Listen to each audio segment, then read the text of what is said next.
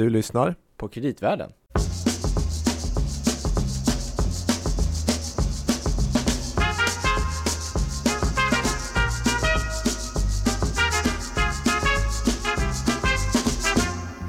Gabriel, Louis! du är tillbaka. Ja, jag har varit här hela tiden. Jaha. Var har du varit? Eh, borta. Ja. Men nu är sommaren över Ja. och så vidare. ja. Och nu är Kreditvärlden-podden äntligen tillbaka. Ja. Vet du vad jag har tänkt väldigt mycket på den här sommaren? Nej, klimatet. Per Holmgren. Ja, Och klimatet. ja det hänger ihop. Mm. Ja, men jag lyssnade faktiskt om. Det kan jag då rekommendera de som inte har lyssnat. Avsnitt 68 av denna podd med just Per Holmgren. Mm. En väderprognos från framtiden. Ja, men det var lite kusligt för vi spelade in den förra sommaren. Mm. Och eh, han gjorde liksom ett framtidsscenario. Och det kändes som att det där var nu i sommar. Mm. Känns det som den här extrema hettan och bränderna. Det var ju läskigt alltså. Mm. Så han är ja, en mycket klok person. Så Det kan vara så att vi återkommer till dessa frågor kanske i framtiden. det är väl ganska troligt. Vet du vad jag har tänkt mycket på? Nej. 90-talskrisen. Nej. Nej men Gabriel. Det, Ja. Nu har det gått för långt. Ja, okej. Men, Hur, kom, hur kommer det här sig? nej, men vi spelade in det fantastiska sista avsnittet för eh, förra säsongen. Mm. Det senaste avsnittet. Mm. Det kan man också lyssna på om man inte Mm. har gjort. Bra. Har du fått något déjà vu? Så här? Det är inte så att du tänker att nu händer det snart igen? Nej, nu blickar jag framåt. Nu blickar framåt. Mm, Vad bra. Det jag tror att våra ja. gäster också brukar göra. Ja, Eller hur? I dagens avsnitt. det tror jag. Mm, framåtblickande. Alla analyser ska ju vara framåtblickande sägs det. Mm. Så vilka, vad ska vi... Jo, men idag tänkte vi ta upp ett tema som eh, man börjar tänka på saken. Varför gjorde vi inte det här från början av den här podden? Mm. Eh, vi som pratar mycket om kreditmarknaden. Mm. Har vi verkligen rätt ut det här? Vad är Nej. ratings som är vi så viktigt på det vår kanske, marknad? Vi har nämnt det, ja. ja. Jo, det har vi gjort. Mm. Men inte riktigt, riktigt benat ut det. Har vi det? Nej. Vad är en rating? Mm. Så idag tänkte vi att vi skulle eh, få svaret på den frågan. Vi har två fina gäster här idag. Vi har först Andreas Kindahl från S&P Standard Poor's. Tack så mycket och jag måste säga att eh, det här är ju en excellent och väldigt trevligt tillfälle att få gästa den här podden som jag har lyssnat på väldigt ofta. Så tack för att ni har med mig idag. Kul! Men du har väl varit på kreditmarknaden ganska länge eller? Det har jag. Jag har egentligen spenderat hela min eh, karriär, arbetskarriär i kreditmarknaden. Så jag har jobbat för S&P ungefär 18 år Här i Stockholm. här i Stockholm. Mm. Och eh, kan jag också nämna att eh, eh, vårt kontor har ju faktiskt funnits här i 30 år. Just det, Det- ni hade precis jubileum. Precis. Och Mm. det är lite intressant är att vi var faktiskt det tredje kontoret utanför New York som öppnades. Eh, och lite på grund av att det fanns en väldigt aktiv certifikatmarknad, eller penningmarknad, på den Mm. tiden. Och det var ju väldigt intressant 1988. Vad som hände sen några år. Ap- Apropå vad du just sa, Ja. Abel, om, om 90-talskrisen. 90-talskrisen. Mm. Så levde vi den eh, Mm. på den tiden. Mm. Och för att eh, informera alla lyssnare om min aktningsvärda ålder så kan jag meddela att jag jobbade på S&P när, var, när vi hade 10-årsjubileum. Så länge sedan var det. Mm. Åren går. I vår andra ringhörna, ska jag säga det? Vi kanske inte behöver vara så, så kombativa i, i den här podcasten. Nej. Nej. Gustav Lidgren. Välkommen. Kul, kul att vara här. Var, jobb, var jobbar du? Jag jobbar på Nordic Credit Rating. Så vi är en nystartad ratingfirma eh, baserade här i eh, Norden då, med kontor i Oslo och Stockholm. Har ni också firat något jubileum nyligen? Ja, precis. Vi firade ju 30 dagar som eh, licensierat eh, ratinginstitut här eh, för några dagar sedan. Då. Mm. Så vi fick vår licens från eh, Europeiska finansinspektionen ESMA eh, att bedriva den här typen av verksamhet den 27 juli. Så vi är precis i startgropen av vår verksamhet då, och siktar på att komma igång här till eh, hösten. Just Bra det. där. Så vi kände det här är ju bra timing. Vi hade S&P 30 år och så har vi nya Nordic Credit Rating på marknaden. Så det här är 30 ju ett väldigt bra tillfälle att Ja. reda ut det här. Ja, absolut. Mm. Men jag tänkte, när vi börjar ändå med dig Andreas. Eh, för du nämnde ju lite hur länge S&P har funnits i Norden. Men om vi går tillbaka lite grann. Vi brukar ju alltid säga att vi ska börja från början. hur började det här med Som en annan av våra gamla kollegor, Per Törnqvist, så går jag väldigt långt tillbaks för att, eh, för att förklara vilka vi är. Eh, nej, men 30 år i, i Norden är ju jättekul och eh, tyckte jag var jättelänge, men när jag började rota lite i vår historia så har vi ju nästan 160 års historia. Och jag tror du har nämnt det förut, Louis, lite. det började lite på järnvägsålderns Mm. tid i USA. När Henry Varnum Poor började publicera hans investerarguide. Eh, som, eh, om, om det utbyggnaden i det amerikanska järnvägssystemet. Och hans motto var just “The investors right to know”. Och där började lite den ena benet av det som sen blev Standard Poor's. Och Det här är alltså, nu pratar vi andra halvan Ja, är då 1800-talet. 1860. Oj. Är det. Så Mm. vi firade 150 år för några år sedan. Eh, och sen eh, den andra delen av Standard Poor's är ju då eh, kom lite efter eh, den stora depressionen eller däromkring. Eh, så Mm. vi har haft en liten historia faktiskt om att växa när- just när det har varit stora problem på finansmarknaden. Att det finns en ökad eh, behov av transparens. Du menar att Jag tror vi kommer in bolag, lite. bolag går omkull och så tycker investerarna att nu har vi inte Varför sa ingen det här i förväg? Ja. Precis, så precis. det- Lite så. Okej. Och, det fanns då ett bolag 1923 som hette Standard Statistics. Eh, och eh, 1941 så gick de ihop med då Mr. Poors bolag och bildade Standard Poor. Så att eh, det är väl lite den historien och, eh, och mycket av det som, eh, som vi har publicerat är, är just kring transparens i kreditmarknaden. Att det finns ett behov av det. Och ett, ytterligare lite intresse, intressant eh, kring det där är ju att Eh, ratings, eh, ratingarna i USA framförallt, de växte ju explosionsartat efter den här stora krisen med eh, Penn Central Transportation Company som ju var en av de största aktörerna. Jag tror du faktiskt har pratat Nej, om det på det penningmarknaden. Det var på Mm. 19, eh, i mitten av 60-talet. Mm. Eh, och ställde in sina betalningar. Och, och eh, då var det lite samma sak då. Varför sa ingen det till oss? Att det här var en hög risk. Mm. Och då ökade eh, behovet av ratings eller transparens i kreditmarknaden.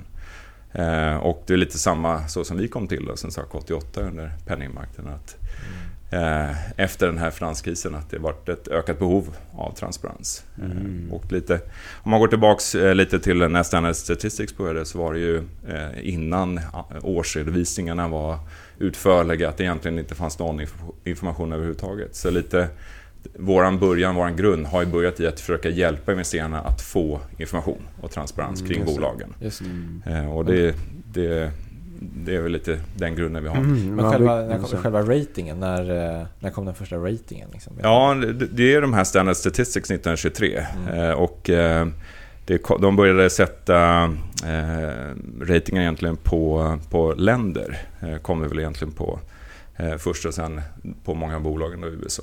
Så det har vuxit väldigt, väldigt mycket sedan dess. Mm. Mm.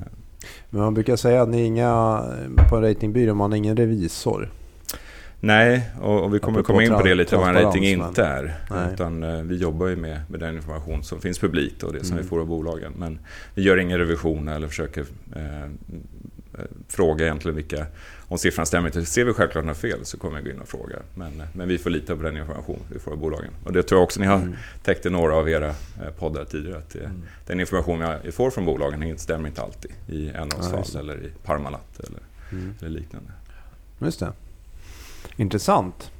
Och sen körde ni igång här i eh, Norden också. Men vi kommer tillbaka lite till det. Men eh, Gustav då, ni har ju lite kortare historik här. Mm.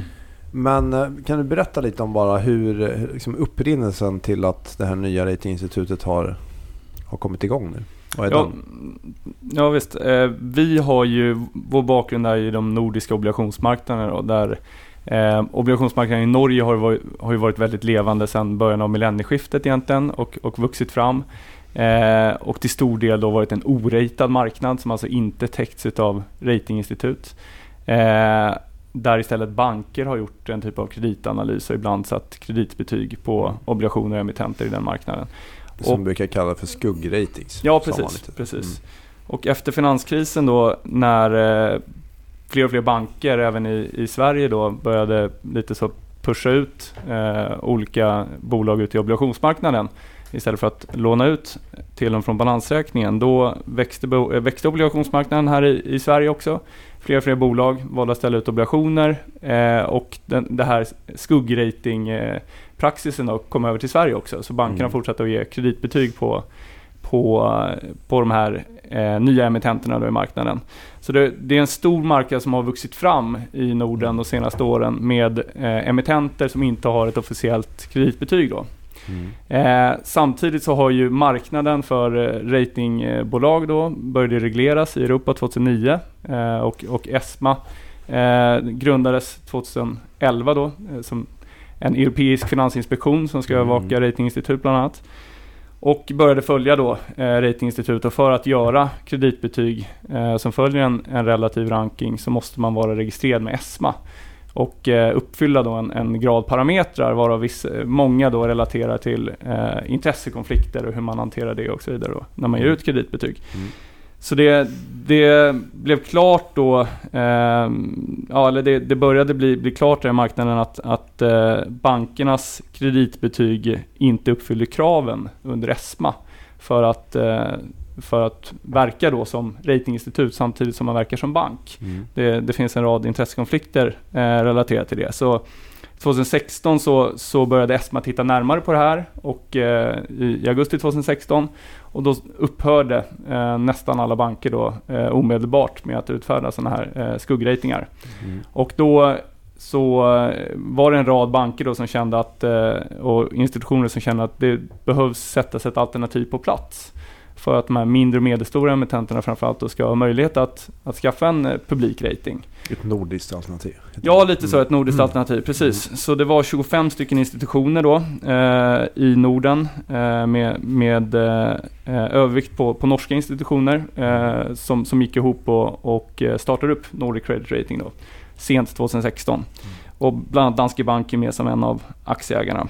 Mm. Det, det, är ingen aktieägare som äger mer än 5%. För äger man mer än 5% under ESPA-reglering så omfattas man av, av ytter, ytterligare rapporteringskrav. Då. Ja. Eh, så, så, därför är ägarstrukturen väldigt spridd då bland 25 stycken eh, institutioner. Så, så vi... Eh, ja, ja. Ni har haft en process där ni har ansökt om tillstånd och sådär nu då? Så Precis, jag, jag kom in då, jag har ju min bakgrund från S&P Ratings också kan man säga. Eh, där jag spenderade ett antal år innan, innan jag kom in här. Eh, och jag kom in sent 2017 som första anställd på Nordic Credit Rating då. Mm. Och eh, så har vi arbetat med ansökan till ESMA precis eh, under, eh, under våren här. Eh, en relativt omfattande process. men där vi till sist då gick i hamn och i, i slutet av juli så fick vi godkännandet på plats. Mm. Men inga publika ratings från er än så länge? Nej. Men kanske i höst? Ja, förhoppningsvis. Ja, mm. Spännande. Mm. För då ägs ni av ett antal nordiska banker och andra institutioner. Mm. Eh, hur är det med er Andreas? Vilka är era ägare? Vi eh, tillhör ju då S&P Global som är en stor firma som har många andra eh, divisioner mm. utöver ratingen. Vi har ju då indexet S&P 500 tror jag många känner till. Vi har ju då Capital IQ som är en, en, plattform för finansiell data. Vi har Plats som är och data inom energibranschen. Så vi är en del av ett stort konglomerat egentligen och som har en, en free float. Mm. Fattar. Jaha, men till vi, eh, ja, pudelns kärna. Precis, vi har ju pratat mycket om ratings men vi har fortfarande inte... Vad, vad är en rating egentligen? Ja, alltså, det, det, är väldigt intressant. Och frågar du många analytiker så får du många olika svar. Men i enkelt sätt så är det egentligen bara en relativ ranking.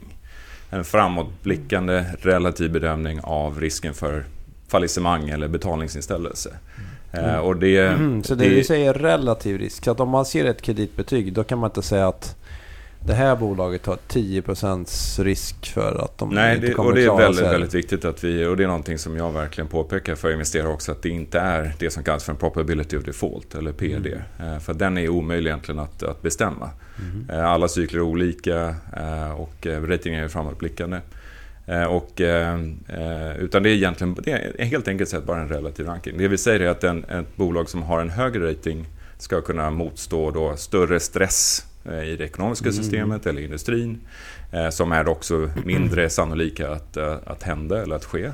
Eh, och att de ska röra sig lite mindre under cykeln också. För att, eh, så att det, det, är mycket, mycket bara, egentligen bara en relativ ranking. Men då, då, har ni den här skalan som är då 3A, AAA mm. högst upp och sen ner till D då för default eller betalningsinställelse. Mm. Men själva skalan i sig är också, den är lite konstig egentligen. För den är ju liksom inte, vad ska man säga, inte någon linjär skala utan den, det, är ju ganska små hopp i risken i början. Sen Absolut. blir det väldigt stora hopp att det blir mer och mer. Ja. Nej, det, det, stämmer. Det är så konstigt och, egentligen, inte det? Och, och, lite bara för, för bakgrund, vilket vad som är intressant. Det här i, i Sverige har vi, eller i Norden så har vi en, en dominans av de högre ratingarna, det som kallas för investment grade, mm. som är då trippel B minus eller högre. Eh, Medan i USA kan man, är medianratingen bland företag är ju B+.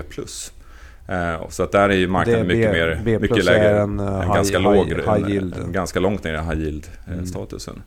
Eh, så att, eh, och, men även på en B plus-nivå, eftersom vi, våra default rates inte skiljer sig jättemycket mellan USA och Europa, så, så är det ganska låg risk fortfarande för betalningsinställelse. Det är inte förrän du hamnar på de här riktigt låga kreditbetygen, trippel C-kategorin då, eh, precis innan default, som egentligen risken är väldigt hög.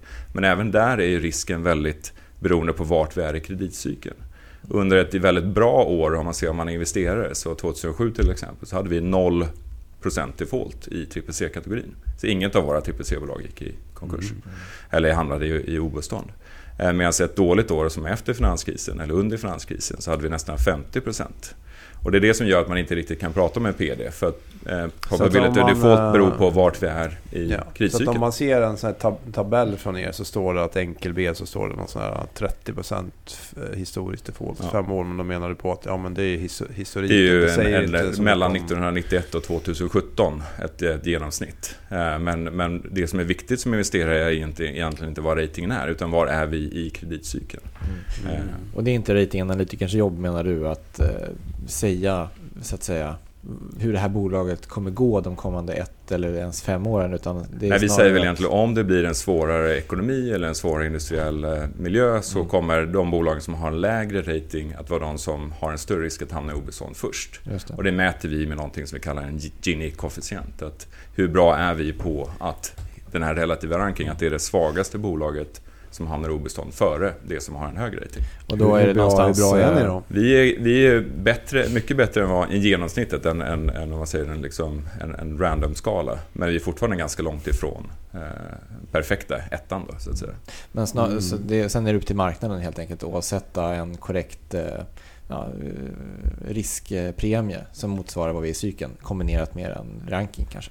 Ja, det beror på vad man är ute efter. Alltså, man kan ju jämföra portföljer med varandra baserat på vilken genomsnittlig ratingnivå man har. Mm. Men vill man som en bank kunna egentligen eh, ha kapitalkravsberäkningar och sånt med PD och eh, det som kallas för loss given default. Vad får du om ett bolag hamnar i obestånd?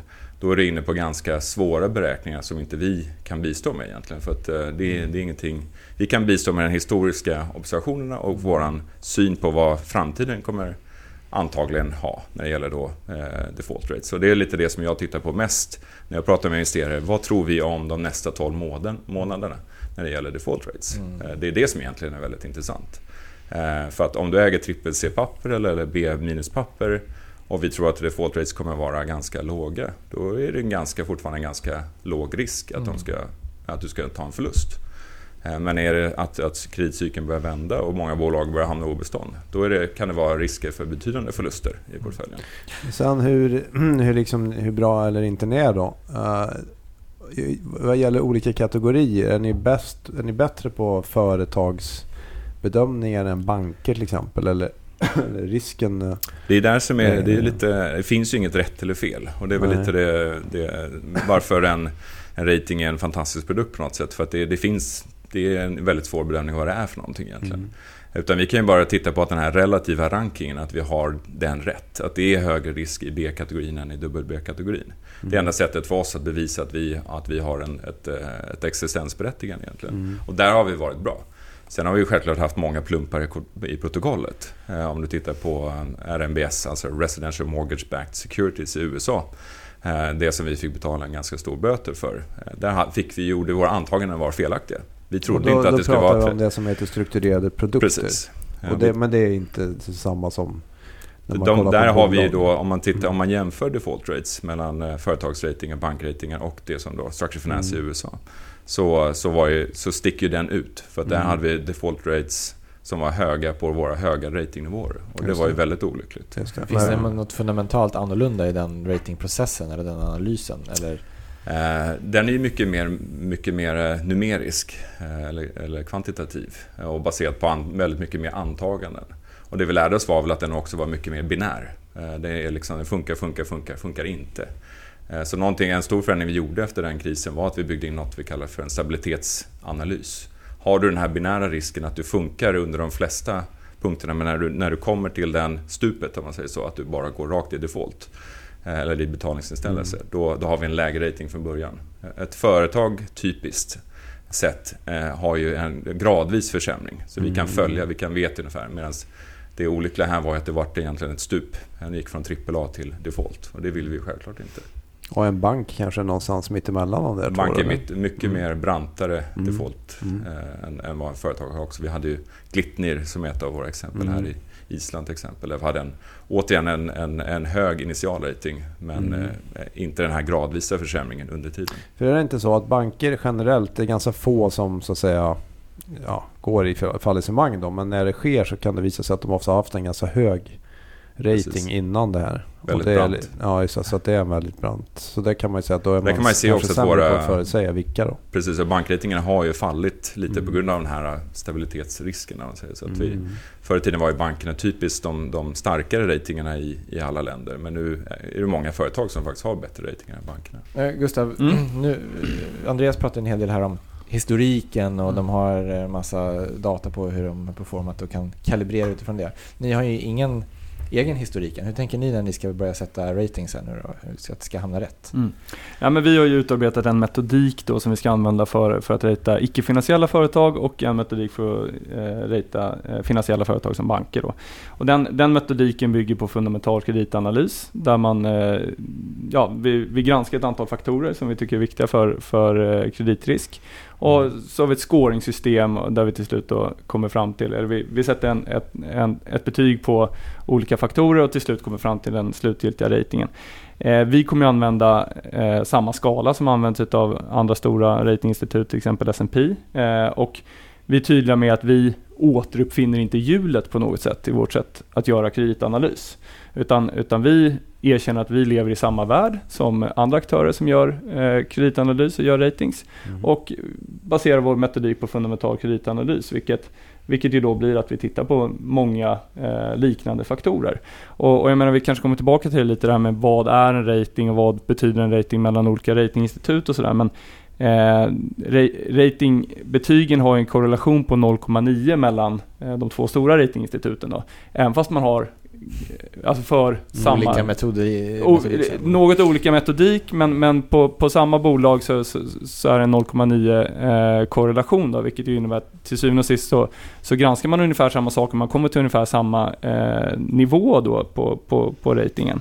Och eh, vi har definierat då att våra långsiktiga, eh, vårt långsiktiga mål vad gäller default rates som ska då ses över flera kreditcykler och på väldigt lång tid och för stora populationer per eh, ratingkategori.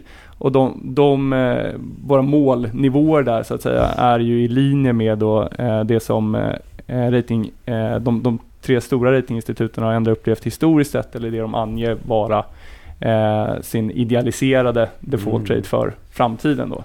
Och det innebär återigen att om vi sätter en, en rating på en viss nivå, säg trippel B, då ska det mer eller mindre motsvara samma risk som om ett annat eh, ratinginstitut sätter en trippel B-rating. Så vi lever i samma, Mm. samma värld som, som de andra ratinginstituten. Vi, ska, vi kommer göra en, en, eh, en, eh, en fundamental kreditanalys. Men så kan det finnas skillnader i hur vi presenterar det och eh, lite exakt vilka faktorer som vi belyser när vi, när vi analyserar. Det kan Mm. finnas lite skillnader i åsikter om, om vissa faktorer är mer eller mindre viktiga. Eh, Ja. Såklart. Ut, för, förutom det här med att när vi pratar om fallissemang och så här, men eh, hur stabila är sådana här eh, ratings eller kreditbetyg? Jag tänker det finns ju ett uttryck man brukar säga så här, rating through the cycle. Kan du förklara lite det här? Ja, nej, men absolut. Är det- Och, och där, det var väl lite en myt eh, förr i tiden att vi, att vi gjorde det. Att vi hade en rating som var stabil genom en cykel. Eh, Men, men det går lite emot det jag precis presenterade. Eh, Mm. Att, eh, att, att, att vi måste följa med kreditcykeln. För Ja. om vi tror att eh, betalningsinställelserna kommer bli 12% av vårt spekulativa grade-segment så måste vi då självklart ha flera bolag som är i trippel C-kategorin. Så att våran, ju lägre rating du har, ju mer kommer ratingen att röra på sig. För att, lite som jag försökte förklara, att har du en lägre rating så är du mer utsatt för förändringar i ekonomin, för förändringar i industrin. Så att det, och det är lite den här första, du blir den första som skadas. Eh, Så att vi är väldigt aktiva. Om vi ser att kreditcykeln börjar ändra på sig, att, det, att vi tror att det kommer bli sämre tider, då kommer vi börja flytta en stor del av vår lägre del av skalan neråt. Mm. Medan den högre delen av skalan eh, har ju då byggt in en större buffert. Så då måste ju då egentligen ekonomin bli mycket, mycket sämre för att ratingen ska röra på sig. Mm. Så att vår, det vi tittar på är just de här default rates i den ena, men vi tittar även också på stabilitet. Hur mycket rör sig ratingen i de olika kategorierna? Mm. Det publicerar vi jättemycket data på och följer för att det är väldigt viktigt att vi just har en kortare ratinghorisont för en lägre rating. Den är bara upp till två år. För att vi är så långt vi tycker att vi kan se framåt för, för de här lite högriskbolagen. Mm. Medan för en hög rating så kan vi ta en 3-5 års perspektiv. Mm. Men, men, men samtidigt som det är så, för den är väl ändå inte, den är inte helt kvantitativ, ratingen. Tvärtom höll jag på att säga. För att om den hade varit helt kvantitativ då hade den ju verkligen följt med cykeln. Allt eftersom att nyckeltalen försämras i en lågkonjunktur så kommer ratingen falla massor och gå upp igen så att säga när det är starkt. För Det är finns tanken väl- att den ska röra på sig. Ja, den ska röra på sig, men kanske... En lägre rating. Ja, just det. För att om, om, om du har kanske ett år en ganska låg rating som är B- i goda tider men om tiderna för, förväntas för, förändras och bli sämre då måste ju den, då har ju helt plötsligt den här lilla bufferten man hade eh, kanske då eroderats. Eh, Mm. och då blir kanske en bättre rating trippel C. För att vi då försöker förutse den här negativa det. cykeln. Men vad du menar Gabriel är att man kan inte egentligen bara ta ett bolags nyckeltal och Nej. så trillar det ut en rating. Nej, absolut inte. Eh, Det, det hoppas jag att, eh, att, eh, precis som Gustav var inne på, det finns inte så många olika sätt att göra en analys. Men det är ju en blandning av affärsrisk och, Mm. och finansiell risk. Mm. Och där affärsrisken kan vara den som jag har den överhängande risken ibland. Om det är strukturella försämringar. Gustav är gammal skogsanalytiker. Eh, Där, där vi såg en gradvis försämring av, av, eh, av industririsken. Eller så kan det vara att du har tagit på dig för mycket skuld. Det finns många sätt att hamna i obestånd Mm. på till slut. Mm. Men ja, hur ser man till att den här kvalitativa bedömningen är konsistent? Särskilt om man har många anställda men även kanske man inte har så många än. Mm. Mellan analytiker och över branscher och sådär. Mm. Nej, men det, det är utmanande såklart, men det är ju som, som Andreas nämnde i början, det är ju hela vårt extensi, extensiensberättigande. Så, så att säga, det, är det vi måste göra helt enkelt. Så finns det olika sätt att testa det på statistiskt helt enkelt, att man, att man är konsekvent såklart. Men vi då som börjar från noll och inte har någon historik, för, för oss är det väldigt viktigt att när vi nu kommer ut och publicerar våra första ratingar, att, att de eh, kreditbetygen eller de ratingarna är relevanta i, i marknaden och, och att, och att de, även de är placerade längs en relativ ranking. Vilket innebär att om vi kommer ut med en rating i, i en viss industri, då måste vi redan ha en vy på eh, ytterligare ett 30, 40, 50-tal bolag i den industrin för att veta att om vi skulle publicera rating på dem, då skulle den hamna högre eller lägre än den som vi publicerar på här. Mm. Så det är mycket av det arbetet som, som vi har gått igenom hittills och, och som vi fortfarande går igenom. Då, att Låter som det blir långa arbetsdagar hos er då. Ja, nej, men det, vi, vi, vi har väldigt mycket att göra. Vå- Våra analytiker jobbar väldigt långa dagar just nu med, med just eh, det här bakgrundsarbetet. Då.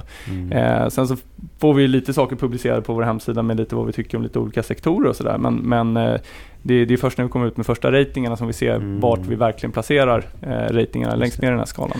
Jag tänkte en sak som man kanske skulle reda ut lite. Det är ju, vi har ju pratat om ägarbilden på era två institut. Men hur det här liksom betalningsmodellen. För den kan ju vara lite olika och apropå är liksom oberoende analys och så. Men hur, ehm, hur funkar det? De flesta ratinginstitut har väl det här eh, som kallas för, vad brukar kalla för is your pay.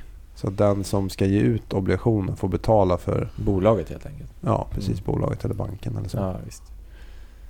Ehm, Ja, nej, men det, det, det stämmer att det är den vanligaste modellen och det är den modellen som vi också kommer ha. Den, mm. Den modellen, jag, jag- tror att eh, S&P och de, de stora hade väl en modell där investerarna betalade initialt men att den Mm. modellen försvann när ko- kopiatorerna kom in på kontoren på 70-talet. Eh, så, men men eh, den här modellen är den enklaste att operera med utifrån att dels så är det ju emittenten som drar nytta av att ha en rating. Ja. Om det leder till att fler investerare intresserar sig för obligationerna och på så sätt leder till press på upplåningskostnaderna. Eh, Så att värdet ligger till, till hög grad hos emittenten att, att ha en rating. Eh, Men, men samtidigt så har ju emittenten då, emittenten vill ju ha möjlighet att göra den här ratingen publik till så många investerare som möjligt. Mm. Och, och det kan ju, kan ju emittenten göra då om man, om man kontrollerar processen så att säga. Så, Men det, in, det innebär ju hypotetiskt att ett bolag kan skaffa, för nu har vi, hur många ratinginstitut har vi här i Norden? Fem. ja, nu Fem har stycken. vi fem Mm. stycken som har kontor. Så kan ett bolag gå egentligen till alla fem och skaffa, köpa en rating men välja att publicera bara den bästa då till exempel. Ja, alltså e- egentligen att vi har fem, fem ratinginstitut lokalt där det, det är intressant men eh, det var, om man säger alla ratinginstitut som var verksamma inom Europa eh, Mm. hade möjlighet att vara verksamma här även innan de startade Mm. ett kontor Mm. i, i Norden. Då. Så att, Eh, nej men alltså det vi kommer tillbaka till är eh, den, den oberoende analysen och Mm. eh, att göra eh, en relevant produkt helt enkelt som Mm. investerarna tar i beaktande. Mm. För om inte investerarna tycker att ratingen är värd att titta på, om investerarna tror att ratingen inte är relevant, Mm. då kommer inte emittenterna i sin tur efterfråga rating från, Ja, från, från ratingbolaget. Sen har väl vi lite olika kanske segment som vi också som vi har som, som mål. i Lite. Mm. Eh, Vi, de etablerade ratingbyråerna är ju mer för de internationella kanske investerarna. Eh, Mm. Vi har ju de mesta långivarna som lån, eller låntagarna som tar upplån i euros eller dollar. Medan jag tror där, där vi pratade om tidigare med shadow ratings och skuggrating och sånt så var ju det mer för den lokala marknaden i, i svenska kronor, i norska kronor Mm. och, och, och liknande. Och där har vi aldrig riktigt varit aktiva ändå. Eh, Den, den lokala de- investerarna har inte riktigt varit eller har, har, har levt i en ganska bra värld med de här skuggratingarna. Och jag tror Mm. Eh, Gustav, eh, Gustavs bolag kommer vara väldigt relevant i den lokala marknaden och säkert också i den internationella kapitalmarknaden. Men om, du ska vara en, om du är en internationell global investerare så, så har ju fortfarande de etablerade ratingbyråerna eh, givet att du har globala Mm. eh, jämförelser, jämförelser så, så tror jag att de kommer fortsätta vara viktiga. Men det finns väl, fanns väl en del kritik alltså, i samma, som ni tog upp själva med strukturerade produkter och så vidare. Mm. Att man gick till S&P och fick man inte en AAA så gick man till Mm. Moody's och så fick man en AAA liksom lite grann sådär. Mm. Men är de problemen borta så att säga i och med... Alltså, Borta kan man, kan man vill jag inte liksom säga att, det, att jag kan garantera, men, men vi har ju ändrat vårt arbetssätt dramatiskt sen eh, vi fick 1,5 miljarder dollars skäl att göra det också. Eh, Det var den, Alltså, den boten vi fick av eh, Ja. SEC då i USA. Eh, Och, eh, och eh, som Gustav var inne på så har då ESMA kommit, kommit till Europa som är väldigt jag tror vi är en av de mest reglerade enheterna i USA och även i Europa. Så att vi har tvingats, och jag tycker det har blivit mycket bättre också, på det sättet vi arbetar är mycket mer systematiskt. Som Gustav var inne på, vi har ju mycket mer, kri- kriteriet är mycket tydligare, våra metodologier är Mm. mycket tydligare i hur vi kommer fram till ett ratingresultat och sånt. Eh, Och Vad vi har ju stött och mm, blött just den här betalningsmodellen med, Mm. med alla reglerna. Men vi tycker att det är det bästa sättet att leverera en produkt till alla. alla för alla ratingar som vi ger ut är tillgängliga för vem som helst. Mm. Däremot så är då kanske analysen bakom den låst bakom betalväggar. Men, men själva ratingen är, är tillgänglig för alla typer av investerare, stora som små. För har du en investerarbetalarmodell så blir det då kanske så att det är bara de mest lönsamma eller de mest rika investerarna som får tillgång till den här informationen. Och då försvinner ju lite den här det som vi försöker göra är att minska informationsasymmetrin mellan investerarna och företaget. Det är ju lite vår roll att, att förmedla den, den tilltron Mm. Är det inte också så att några grejer som har förändrats som är ert arbetssätt att ni måste rotera analytiker mellan branscher och så eller? Ja, vi måste göra det. Jag tror att Gustav har fått ett, eh, ett eh, exception från det. Men, eh, men vi måste göra det. Vi måste i, I Europa måste vi rotera våra analytiker var fjärde år.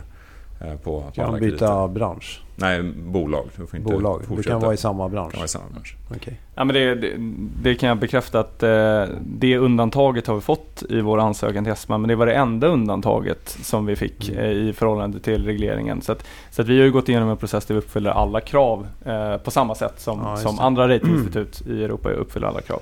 Men det, det som kan vara intressant att påpeka det här med eh, den potentiella intressekonflikten som uppkommer då när man får betalt av bolaget som man ska sätta ratingbetyg på. Mm. Menar, så som det hanteras internt på ratinginstituten idag, som är en stor skillnad mot innan eh, finanskrisen också, är ju att det, den analytiska verksamheten är ju helt frånskild den kommersiella verksamheten. Så kommersiella personer har ju eh, ingen påverkan på det analytiska arbetet, får inte sitta med i kommittéer, får inte skriva analyser och så vidare. Mm. Och eh, analytiska personer får inte veta någonting alls om den kommersiella verksamheten, alltså vad en rating kostar eller hur man tar betalt eller, eller motsvarande. Så det är helt fundamentalt för hur Mm. sektorn arbetar idag. Och våra löner och incitament och sånt är helt fria från den typen av... Jag, jag som ändå är chef för Norden och en stort segment inom Standard jag, vet, jag har aldrig sett våran intäktssida. Som sagt. Jag ser bara kostnadssidan och det enda jag bedöms på är hur bra analys gör vi och hur relevanta ratingar ger vi ut. Eh, Mm. och Och hur många bolag täcker man per person då, ungefär? Eh, Hos, eh, om man tittar på företagssidan hos oss Mm. är det mellan 15 och 20 bolag per, per Okej. analytiker. Och lite mindre för de som har, är mer seniora, som har mer sektoransvar. De ligger mellan 8 och 10. Mm. Jag tänkte en annan sak. för att i, det, som du, Vi har ju varit inne på vad som hände i USA. Men här i Europa så fick ju ratinginstituten kritik nästan för omvänd. Att man var att säga, lite för aktiv och rejta ner eh, europeiska stater, typ Grekland. Och så hävdade man ju då att man var så att säga medskyldig till att skapa problem då. Och efter det så är det väl så att nu får ni bara publicera, om ni ska göra en ratingförändring på ett europeiskt land så måste det göras vissa datum, är det inte så? Precis, eh, och, och bara på fredagskvällar. Vilket är intressant. Är det så? Eh, ja.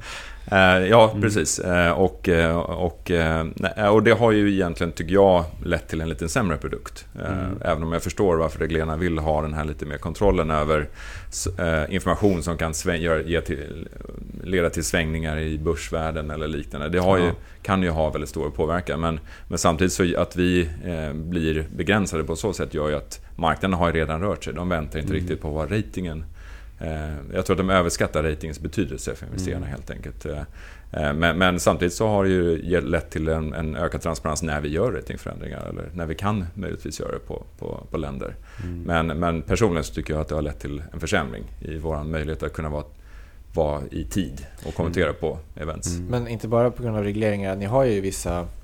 Ni är ju väldigt stora liksom och har funnits väldigt länge. Så ni har ju Mm. vissa strukturer även internt. Till exempel att man ska sätta på så här negativa utsikter om man ser eh, potential Mm. för ratingförändringar. Mm. Det kan vara 18 till 24 månader framåt Mm. och sådär. Medan i realiteten så kanske eh, ja, på aktiemarknaden så kanske aktiekursen redan har handlat ner en himla massa i förväntan om att någonting ska hända och så vidare. Så att eh, ibland så får man ju höra att det tar lite lång tid för att reagera när det händer saker i ett bolag. Mm. Ja. Nej, men det stämmer och vi är väldigt tydliga med att vår primära uppgift är att vara så tidsenliga som vi kan. Eller att vi, vi ska kunna agera så fort vi kan. Men, men marknaden kommer alltid slå oss. Så är det bara. Eh, Det, vi kommer alltid ligga efter. Dels så har vi ganska robusta processer och mycket som behöver göras. Eh, dokumenteras och, så eh, och, och så vidare. Sen är vi inte vi lika känsliga kanske för de här kortsiktiga slagen som marknaden reagerar på. Mm. Eh, Utan vi försöker ta i beaktande de här lite längre, längre cyklerna, speciellt på investment grade. Men, men vi jobbar hårt på att vara relevanta och komma ut så fort vi kan eh, med de begränsningar vi har. Under de här eh, 30 åren då som ni har verkat här i eh, Norden, vad har vi sett för exempel på sådana här betalningsinställelser? Jag Ja, vet att ni publicerade någon studie för första Ja, gången. eh, precis som, som led i den Det är här... inte riktigt om 30 åren kanske i och för sig. För Nej, det- det är lite kortare period. 90-talskrisen då, men Nej men eh, precis. Och, och, eh, och det är väl väldigt viktigt också, precis som jag var inne på, i Norden så ratear vi i stort sett eh, de, de större bolagen som har Mm. väldigt god kreditkvalitet. pratar vi om någon, alltså ert minsta bolag är ändå någon miljard i omsättning. Ja, precis. Kan man säga, eller? Eh, precis. Vi, så vi har de lite större, större bolagen. Och givet att den kredit, eh, till skillnad från USA som jag sa då, som har en mycket lägre kreditkvalitet generellt sett, där mycket min, fler mindre bolag Mm. är ratade. Så har vi också, och det ger då utslag självklart i vad vi kallar den här default-statistiken. Att vi har väldigt få defaults här i våran portfölj. Mm. Eh, Men det är ju ett väldigt dåligt eh, genomsnitt egentligen av hela marknaden som sådan. För mycket av den här risken som inte vi ratear, som kanske Gustav kommer ta upp eh, lite Mm. under, under de nästa år, de ligger ju hos, hos bankerna eller hos Mm. investerarna.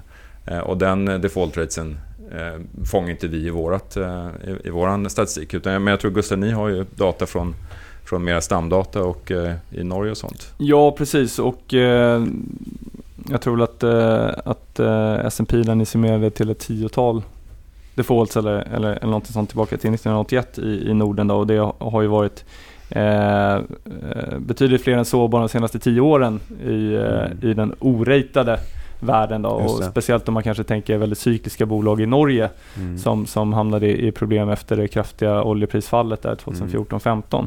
Eh, så, så alltså för att sätta saker i- i sitt perspektiv också. Jag tror att S&P har, hur många ratingar totalt? Nu är det 120, 140? Ja, under- ja, runt 150 i företags och banker. Exakt, I, och vi- i, Nor- I Norden. I Norden. Ja, i, i Norden precis. Och vi estimerar till att det finns ungefär 600 emittenter i Norden Mm. som Mm. eh, har obligationer utestående men som Ja, inte precis. har rating. Nej. Så jag menar den marknaden, och det, det, där är, är, kan det finnas en del bolag som är väldigt kreditvärdiga, som inte har en rating utan någon, någon anledning, alltså vissa relativt stora bolag och så. Mm. Eh, men även en statlig ägare eller något sånt där. Ja, som, sådana såna typer av bolag kan det vara. Eh, men det finns ju även bolag i, i mer riskfyllda segment bolag som, som eh, är av betydligt mindre storlek och Mm. betydligt mer utsatta för eh, svängningar i cykeln. Mm. Och, och vi har ju hävdat väldigt länge att, eh, om något så är det, tycker vi att det är där investerarna borde vara intresserade av kreditbetyg. Så på så sätt så välkomnar jag verkligen att eh, Nordic Credit Rating har kommit in. Att det kanske blir åter en, en belysning på de här där det finns en högre risk. Det är ju där riskerna finns för, för systemrisker egentligen. Eh, våra bolag som är i BBB-kategorin är ju väldigt väl genomlysta ändå. Eh, däremot så tycker jag investerarna borde ha ett stort intresse av att få hjälp kanske på den lite högre risksidan Mm. som är oratad i stort Mm. sett. Mm. Just det. Spännande Vad- tider helt Ja, enkelt. verkligen. Mm. Vad tror ni själva? Var är vi nu då i den här? Du pratar ju om att det är så viktigt att ha koll på kreditcykeln. Ja, Eh, Eh, och ser, precis, det, så- ser det bra ut framåt eller ska man börja oroa sig nu? Eller hur? jag, jag kommer ge ett, ett tvådelat svar. Det ser bra ut framåt, det ser bra ut tycker vi för de nästa 12 månaderna. Men vi tycker nästan att det ser lite för bra ut. Eh, Allting, allting Kan det är det? prisat till perfektion. Mhm. Eh, För att, eh, för att det, det ska uppnås det som, eh, som egentligen är prissatt i marknaden så måste allting fortsätta vara precis som det är idag. Det- Allting ska gå på fulla cylindrar. All, Mm. Allting är grönt. Eh, Så att eh, vi vet inte riktigt vad det är vi letar efter men vi tycker att det är stora systemobalanser just nu som vi bör varna för. Och vi tror att USA ligger mycket längre fram. Där har penningpolitiken börjat ändras redan och tajtats. Eh, än vad Europa gör. Europa har precis kommit in i en återhämtning eller eh, ett, ett tag in i återhämtningen. Mm. Bolagens eh, försäljning och marginal har förbättrats. Eh, men, men vi är väldigt oroliga för att marknaden är obalanserad och någonting kan hända. Eh, och vi har också haft en, en ovanligt lång cykel, en, en positiv cykel. Eh, Mm. vilket om man, är, eh, om man tänker i cykler så, så någon, vi, vi, vi kallar lite slutet på cykeln eller att vi kommer... Så vi håller på att förbereda våra analytiker lite för vad kan hända, vad ska ni leta efter eh, och, och sånt. För att många av våra analytiker också har inte gått igenom så många defaults. Ja. Eller vet vad de ska leta efter. Så det är mycket också, för oss också att börja hitta Mm. varningssignalerna. Vad ska ni titta efter? Mm, om man tittar på USA till exempel så är det så här, totala skulder i företagssektorn i förhållande till BNP tillbaka på nivån innan 2008. Är det en sån indikator du säger? Precis, vi tittar på det. Vi tittar på hur mycket som handlar det som kallas distress. Att de handlas mer än 1000 baspunkter över referensräntan. Mm. Eh, Och det är också lite hur marknaden... För marknaden är ju väldigt viktigt hur Mm. kapitalet styrs. Finns det tillgång till kapital? Det handlar mycket om likviditet. Eh, Många bolag, vi ser att eh, skuldsättningen har ökat i då high yield-sektorn igen till, tillbaka till de nivåerna nästan innan krisen. Mm. Så att, så att mycket av den här... Det har ju funnits väldigt mycket kapital i marknaderna. Eh, Och det gör att det är väldigt lätt att få tag i kapital. Och det gör att många bolag tar på sig lite mer skuld eh, än, än de kanske kan hantera långsiktigt. Men, men om man tittar på våra förväntningar så, så tror vi att eh, under de nästa 12 månaderna så kommer defaultraten ligga på bara 2,5% i Europa och i USA. Långsiktiga genomsnittet är 4,2%. Mm. Eh, men, och vi har haft en max på runt 13-14%. Så vi tycker att vi fortfarande är, vi förutser fortfarande en väldigt stabil och låg risk. Men vi börjar bli oroliga för när kommer det vända? Så lite som så här aktiesidan skulle man prata om så här stockpicking-strategi låter det som Gabriel. Mm. Bondpicking. Bondpicking, Mm. precis. Ja, men om, om, om jag tar ner det där på lokal nivå så vi publicerade eh, två artiklar den här veckan. En, en på eh, den nordiska fastighetssektorn då, med, med fokus på Mhm. Sverige. Och det är ju Mm. extremt gynnsamma förhållanden i, i den sektorn just nu, Mm. vilket man också ser på, på börskurser och så. Där, där ser vi att de, de allra flesta bolagen i den sektorn har ju sänkt sin skuldsättning ganska rejält om man tittar på de senaste åren och förbättrat eh, sina räntetäckningsgrads eh, mått också. Då. Och, så att, eh, eh det är helt klart eh, betydligt förbättrad kreditvärdighet i, i den sektorn eh, om man tittar tillbaka 5-7 år. Mm. Eh, men lite samma sak där är, är såklart frågan att när eh, kommer det här ta slut? Eller kommer det ta slut och när Mm. kommer det ta slut och hur Mm. kommer det ta slut och, och så.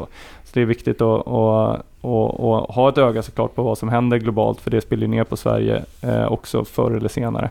Och eh, en annan fokussektor för oss är ju, är ju norska banker som vi tittar på väldigt nära och, och det är extremt gynnsamma förhållanden för de bankerna också Eh, just nu. Eh, jag menar Norges ekonomi går väldigt starkt. Är nu helt, eh, ja, eller man, lämnar ju, man lämnade ju oljekrisen för, för ett antal år sedan så, så ekonomin går väldigt starkt och eh, arbetslöshet extremt låg och eh, eh på, på fulla cylindrar verkligen. Så att, men man undrar där lite också vad kan det finnas för några moln på horisonten som kan sätta stopp för det här? Eh, för det ser väldigt gynnsamt ut nu.